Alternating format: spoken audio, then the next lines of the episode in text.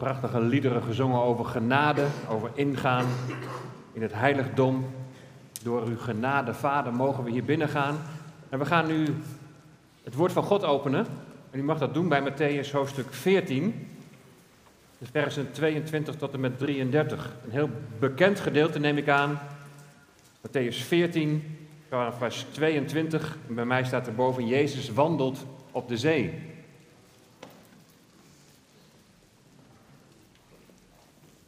En daar staat het volgende. En meteen dwong Jezus zijn discipelen in het schip te gaan en voor hem uit te varen naar de overkant, terwijl hij de menigte weg zou sturen. Daar was net die broodvermenigvuldiging geweest, waar we de vorige keer over hebben nagedacht. En toen hij de menigte weggestuurd had, klom hij de berg op om er in afzondering te bidden. Toen het avond was geworden, was hij daar alleen. Het schip was al midden op de zee en verkeerde in nood door de golven, want ze hadden de wind tegen. Maar in de vierde nachtwaken kwam Jezus naar hen toe, lopend over de zee. Het was in de vroege ochtend. En toen de discipelen hem over de zee zagen lopen, raakten ze in verwarring en zeiden: Het is een spook. En ze schreeuwden van angst. Maar meteen sprak Jezus hen aan en zei: Heb goede moed, ik ben het. Wees niet bevreesd. En Petrus antwoordde hem en zei: Heere, als u het bent, geef mij dan bevel over het water naar u toe te komen. En Jezus zei: Kom. En Petrus klom uit het schip en liep op het water om bij Jezus te komen. Maar toen hij op de sterke wind lette, werd hij bevreesd en toen begon hij te zinken. En toen riep hij, Heere, red mij. En Jezus stak meteen zijn hand uit, greep hem vast en zei tegen hem, Kleingelovige, waarom hebt u getwijfeld? En toen zij in het schip geklommen waren, ging de wind liggen. Zij die in het schip waren, kwamen hem aanbidden en zeiden, werkelijk, u bent de zoon van God. Tot zover deze prachtige schriftlezing over een heel bijzonder verhaal.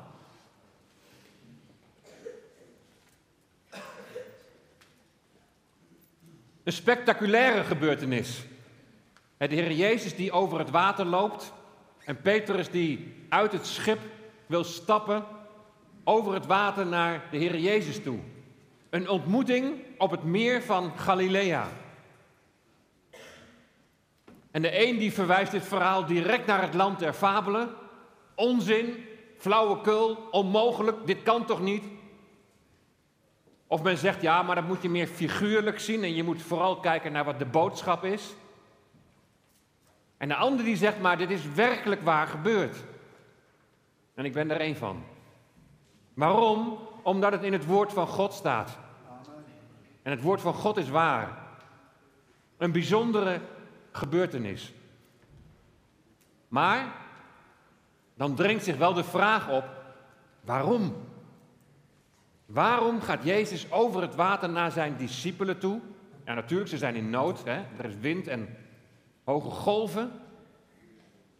Waarom wil Petrus nou uit dat schip? Waarom hij naar de Heer Jezus toe en waarom niet een van de andere discipelen? Of is het allemaal puur toeval? Of heeft het misschien toch, toch een diepere betekenis? Wonderen, want dit is een wonder wat hier gebeurt. We hebben, uh, ik heb verschillende keren op meer van Galilea gevaren, maar ik heb het niet in mijn hoofd gehaald om uh, uit het schip te stappen. Het is een wonder wat hier gebeurt. En, het, en wonderen zijn veelal tekenen. Het heeft iets te zeggen, net als vorige keer met die vijf broden en die twee vissen. Tekenen die vaak iets aangeven waarvan, waar Israël en haar geestelijke leiders, waar ze op dat moment staan. God houdt ze als het ware in dat teken een spiegel voor.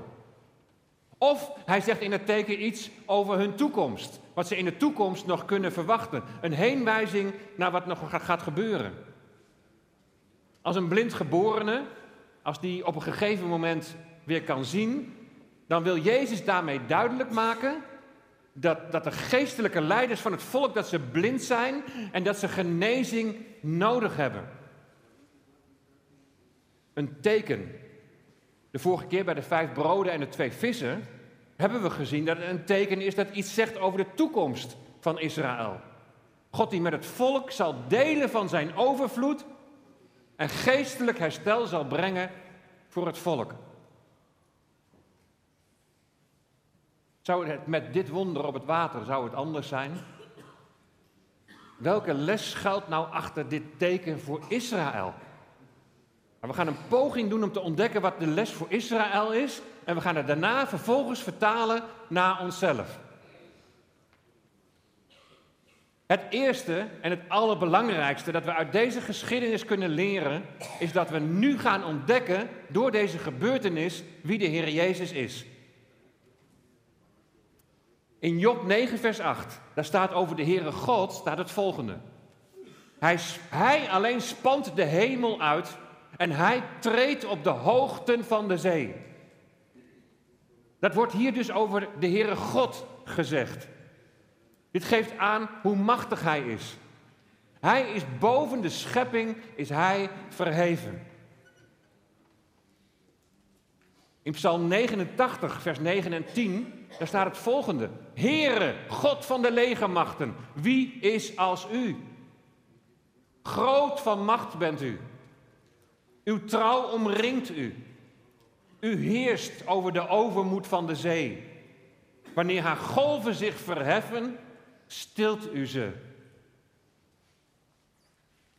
Wordt over de Heere God gezegd. Je kunt maar één conclusie trekken over de Heer Jezus, die in Matthäus 14 ook treedt op de hoogte van de zee en die elders bevel geeft aan de wind om te gaan liggen. En die conclusie luidt, de Heer Jezus is God. Hij is niet zomaar een wonderdoener, maar hij laat hier zien dat hij de zoon van God is. Hij is God de zoon, mens geworden, naar ons toegekomen en dat is de eerste conclusie die je kunt trekken bij deze gebeurtenis. In dit wonder wordt duidelijk wie de Heer Jezus is. Zoals de Vader toont Hij, de Heer Jezus, de Zoon, zijn macht en zijn majesteit door te treden op het water. Hij is ook boven de schepping verheven. En dan volgt nu de vraag: wat is dan de betekenis voor Israël? Wat dit wonder, wat dit teken betreft? Het antwoord staat er niet rechtstreeks, maar door naar de context te kijken en tekst met tekst te vergelijken, wil ik jullie meenemen in de volgende gedachte. Het is niet zomaar een gedachte, we gaan de verbanden zien met wat hierna in de volgende hoofdstukken gaat volgen. Want het staat niet allemaal los van elkaar, het heeft verband met elkaar. Deze gebeurtenis die staat alleen maar in het Matthäus-evangelie. En daar zijn we al een hele tijd mee bezig. En voortdurend ben ik aan het herhalen dat alles wat in het Matthäus-evangelie staat, in het teken staat van het koningschap van de Heer Jezus. Dat Hij koning zal zijn. Dat alles in het teken staat voor het komende koninkrijk voor Israël hier op aarde. En als we dan bidden uw koninkrijk komen, laat uw koninkrijk komen, dan gaat het over een komend aardskoninkrijk voor Israël. Een, een rijk waar vrede, waar waarachtige vrede zal zijn, omdat de Heer Jezus regeert en waar gerechtigheid zal zijn. Nou, als je dit gegeven, het toekomstige koninkrijk, Jezus, als je dat nou combineert met het feit dat de wateren, dat de zee in de Bijbel vaak gebruikt wordt als beeld voor de Volkerenzee, het geheel van de volkeren, dan kan ons dat dichter bij de betekenis van dit wonder brengen. Waarom wilde Petrus over het water naar Jezus toe? Allereerst, hij wil bij Jezus zijn. Daar is het allerbeste. Dat allereerst. En de discipelen die weten ook nog niet wat hierna allemaal zal gebeuren en wat er hierna allemaal zal worden gezegd. Ook zij hebben nog geen, geen helder zicht op het, op het plan van God over hoe alles in vervulling zal gaan. Maar Petrus loopt over het water. Petrus, de leider van het stel. Het lijkt erop dat Jezus in de hoofdstukken hierna verder gaat ontvouwen wat hier nou de betekenis van is. In hoofdstuk 16, Matthäus hoofdstuk 16, daar is het Petrus die het juiste antwoord geeft als Jezus aan hem vraagt wie hij is. Want dan zegt Petrus, u bent de Christus, u bent de Messias, u bent de zoon van de levende God. En dat wordt hier ook, ook duidelijk door het lopen van de Heer Jezus over het water. Zijn macht, zijn majesteit, u bent de Messias. Het teken van het lopen over het water heeft te maken met Gods almacht. En hier dus ook met Jezus almacht. Jezus de Zoon van God. Wat betekent het dan als Petrus ook over het water loopt? Als Petrus getuigt dat Jezus de Christus is, de Messias is, de Zoon van de levende God, ontvangt Petrus ook macht. Dan ontvangt hij ook volmacht. Petrus die krijgt dan namelijk te horen dat hij de sleutels van het koninkrijk krijgt. Petrus die krijgt een sleutelpositie in het koninkrijk, in dat toekomstige aardse koninkrijk voor Israël. Weer later in hoofdstuk 19, dan wordt duidelijk dat Petrus die volmacht zal delen met de andere apostelen.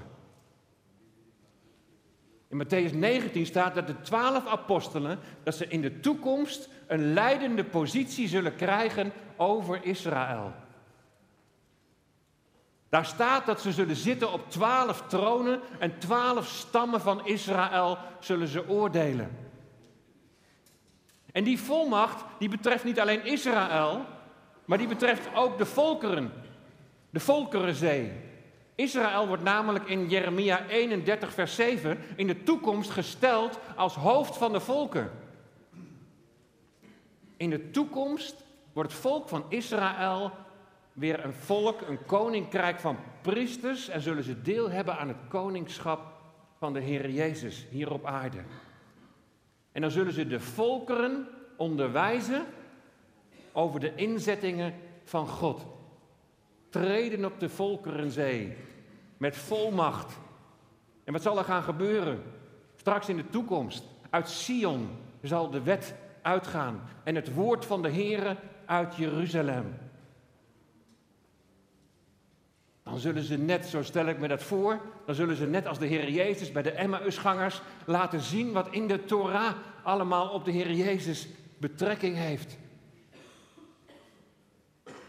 Dan gaan ze als volk doen waar God ze oorspronkelijk toe geroepen heeft. En het gaat niet zonder slacht of stoot. Het zal eerst, voordat dit allemaal gaat gebeuren, nog stormen. Er komt eerst nog een tijd van grote verdrukking, van hoge golven, een tijd van Jacobs benauwdheid. Maar tot degenen die zich dan tot de Heer Jezus richten, zegt ook dan de Heer Jezus, heb goede moed. Ik ben het. Wees niet bevreesd. Dwars door de storm heen, dwars door Jacobs benauwdheid heen, klinkt die uitnodiging, kom. En dan zal een gelovige rest van het volk Israël, net als Petrus en de discipelen zeggen, werkelijk, u bent de zoon van God. En dan zullen ze hem aanbidden. Dan zullen ze zeggen, gezegend is hij die komt in de naam van de Heer. Zoals Jezus Petrus opricht, zo zal hij ook zijn volk oprichten en zal hij geestelijk herstel brengen. Maar wat kunnen wij nou leren van deze geschiedenis? Hoe kunnen we dat nou toepassen in, in 2020? Want ook in jouw leven kunnen er figuurlijk gezien natuurlijk hele hoge golven zijn. Hoge golven waarin je dreigt ten onder te gaan. Help! Ik verzuip. Ik denk dat we allemaal wel van die momenten kennen in ons leven. Ik tenminste wel. Misschien zit je er wel middenin. Overspoeld door emoties, door radeloosheid, door vertwijfeling. En je weet het niet meer. Help, ik verzuip. Hoe ga je om met tegenslagen in je leven? Hoe weerbaar ben je als de golven op je inbeuken? Zo nu en dan, dan worden op social media nog wel eens artikelen of filmpjes geplaatst van psychiater Dirk de Wachter. En daar zitten, vind ik, nog wel eens hele interessante artikelen en lezingen bij, waarbij hij de maatschappij een spiegel voorhoudt. Hoe ga je om met tegenslagen in je leven? In een van die artikelen gaat hij erop in dat tegenwoordig alles leuk moet zijn. Toen onze kinderen zo tien jaar geleden nog de tienerleeftijd hadden, toen hebben we het daar regelmatig met elkaar over gehad. Want wij proefden die cultuur van, ja, maar het moet leuk zijn. Ja, maar niet alles is leuk. Wat, wat is je beeld van het leven? Alleen maar doen wat leuk is, genieten. Psychiater zijn leek Dirk de Wachter wel een leuk beroep. Rustig aan, boekje lezen, patiënten spreken. Maar hij vindt het onvoorstelbaar hoeveel mensen hem komen opzoeken. Hij krijgt het werk niet gedaan, zijn collega's ook niet. En de, overal zijn de wachtlijsten. En dan zegt hij: Wat is er aan de hand? Wat is er hand in hand in dit leven dat ogenschijnlijk zo goed is? Waarom wil iedereen naar de psychiater, vraagt hij zich af. We hebben hier in Nederland geen grote hongersnood, geen epidemieën waar hele bevolkingsgroepen aan sterven, nog niet. En materieel hebben we nu in onze geschiedenis hebben we het nog nooit zo goed gehad als nu. Waarom zijn we dan zo erg in nood? Waarom zijn we zo vermoeid? Nemen we zoveel pillen en heeft iedereen een diagnose? Natuurlijk overtrokken, maar dit is, dit is de vraag van, van Dirk de Wachter, psychiater, om ook even een stukje uit te dagen. En zijn conclusie is dat we veel te nadrukkelijk bezig zijn met gelukkig zijn. En we willen dat alles leuk, leuk, leuk is. Even een citaat van, van, van Dirk de Wachter. Voorheen, zegt hij, konden we uitkijken naar een hemel na dit leven. Waar het leven goed zou zijn. Deze hemel is afgeschaft. Dat past er niet meer in de begroting. Nu willen we zo nodig de hemel hier. En met onze westerse hoogmoed denken we ook dat we deze hemel kunnen maken. Dat we het kunnen produceren of zelfs kunnen kopen. Einde citaat. En dan gaat in de eerste plaats gaat het natuurlijk over de ongelovige mensen die de hemel hebben afgeschaft, die daar geen geloof in hebben.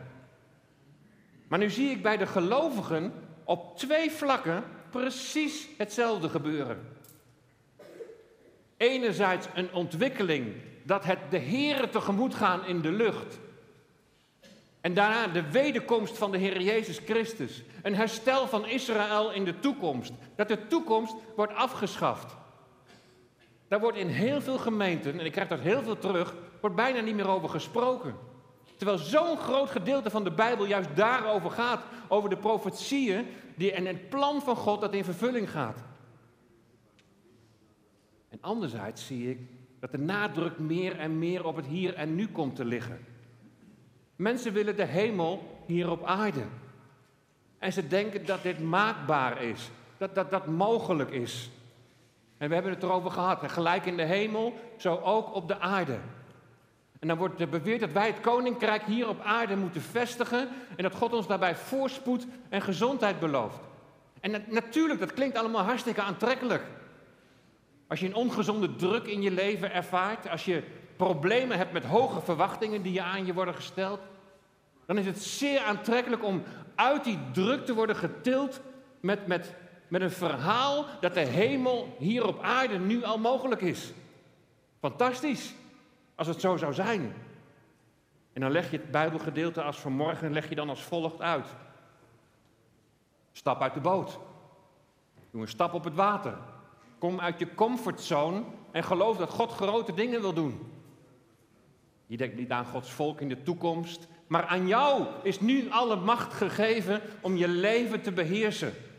Aan jou is macht gegeven om een hemelse situatie hier op aarde te creëren.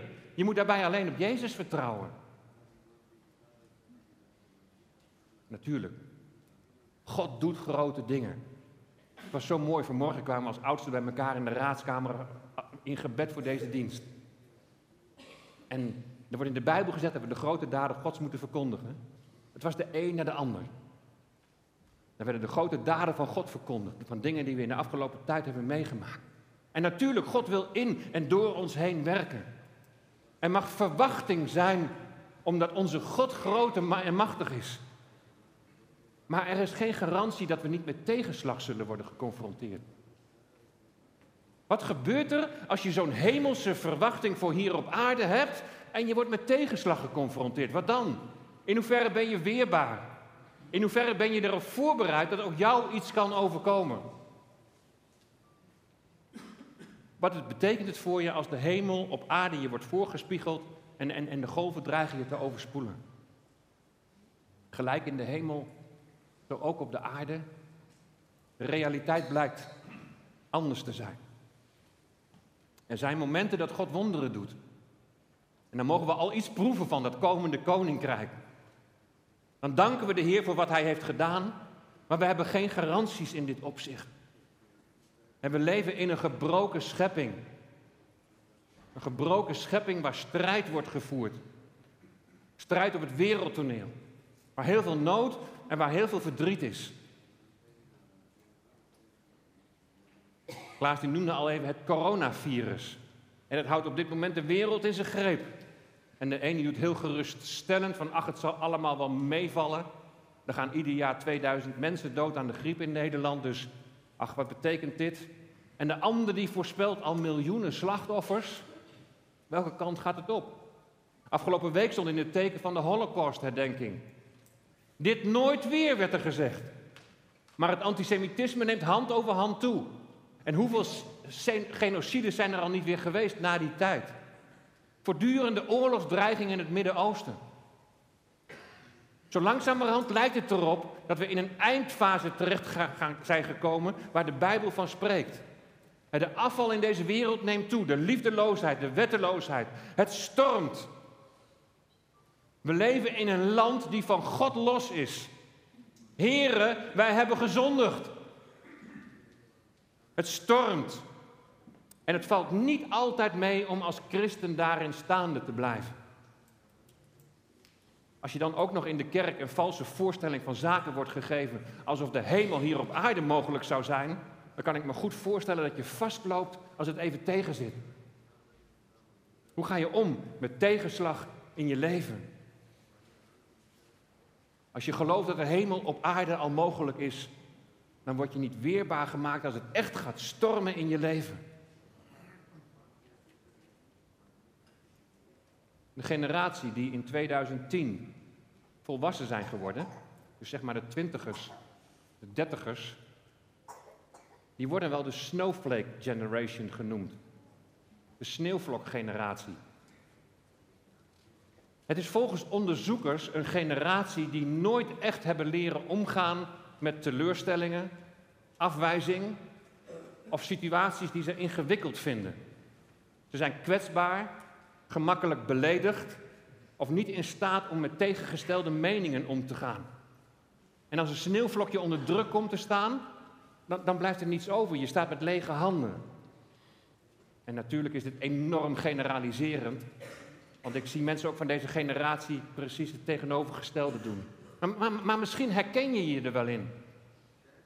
Hoe ga je om met stormen in je leven? Hoe weerbaar ben je? Nou, als ik kijk naar dit verhaal op het meer van Galilea, dan zie ik dat de discipelen in hetzelfde schuitje zitten. De discipelen zitten in hetzelfde schuitje. Ze zitten met elkaar opgescheept. Mannen met allemaal verschillende achtergronden, met allemaal verschillende karakters. Samen zijn ze in paniek. Ze beleven samen de moeilijke dingen van het leven. En ze gaan er samen doorheen. Ze kunnen niet zomaar denken van nou ik stap er even uit en ik ga even bij het bootje van mijn buurman kijken of het daar misschien wat rustiger is.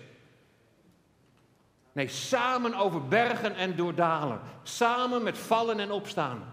als een groep mensen die aan elkaar gegeven zijn en het gezamenlijke verlangen hebben om de Heer Jezus te volgen. En denk niet dat jouw situatie uniek is.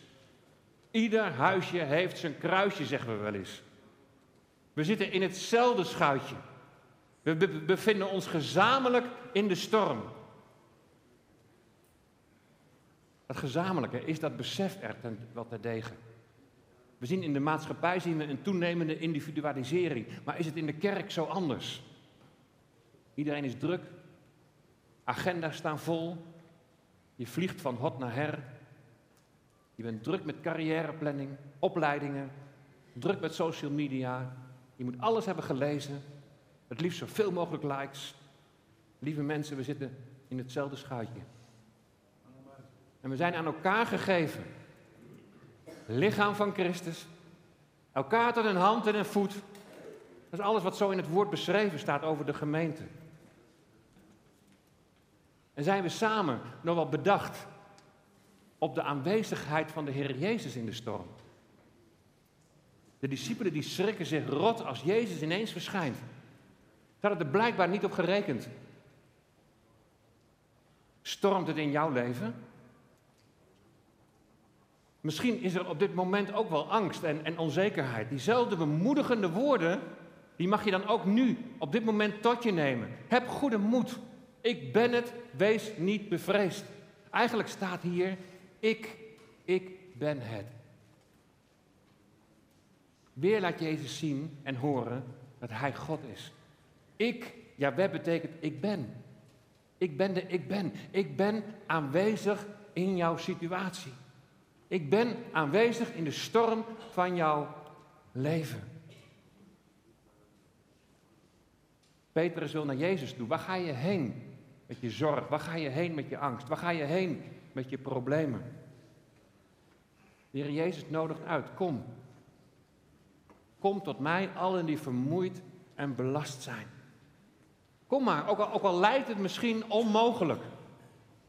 Durf op Hem te vertrouwen dat Hij je niet los zal laten. Twijfel niet. Dat is ook zo'n trend aan het worden, dat er niets mis is met twijfelen.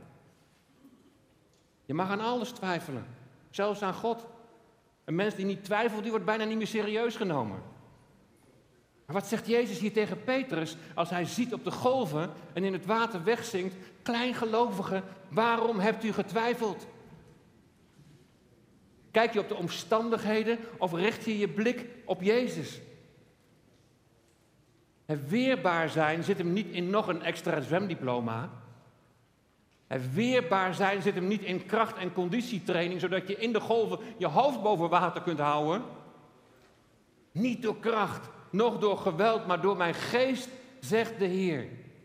En wat doet de geest van God? Die wijst op de Heer Jezus. Zie op Hem. Weerbaar zijn zit hem in het zien op Jezus. Op Hem vertrouwen in de stormen van je leven. Ook al begrijp je niet wat er gebeurt. Vertrouwen op Hem. En dan zeggen mensen, ja, dat is makkelijker gezegd dan gedaan. Maar je zult maar in mijn situatie zitten. En die situaties kunnen ook niet gering zijn. Er kunnen hevige stormen zijn. En dan ja, zie je op Jezus, vertrouw op Hem. Daarom zijn we zo vaak bezig om ook in de prediking het grotere plaatje te schetsen. Niet alleen het kleinere plaatje van onze omstandigheden, maar dat God bezig is met een groter herstel. Dat Hij wil herstellen wat kapot gemaakt is. Dat Hij de relatie tussen schepping en schepsel en de Heere God wil herstellen. En dat wij daar een klein onderdeeltje in mogen zijn. Vertrouw op Hem. Dat Hij zijn plan gaat uitvoeren. En hoe dat individueel met ons gaat binnen dat plan, ja, dat begrijpen we niet altijd. En we weten niet waarom ons dingen mogen overkomen. Ik was van de week Job aan het lezen en ik vond het zo bijzonder. Hij zei van God heeft gegeven, maar nu heeft God genomen. En het volgende vers daar staat, geprezen zij de Heer. En daarna is er ook weer de worsteling van Job, natuurlijk. Maar uiteindelijk, ja, wie ben ik? Want u bent de Almachtige, u bent hoog verheven en ook uw wegen zijn hoger dan mijn wegen. Ik wil op u vertrouwen, Heer Jezus.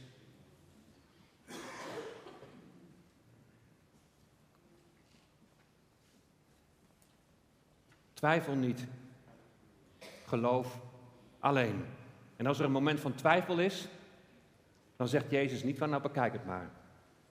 Maar dan strekt hij zijn hand uit en dan houdt hij je vast. En dan zegt hij, heb goede moed. Ik ben het, wees niet bevreesd.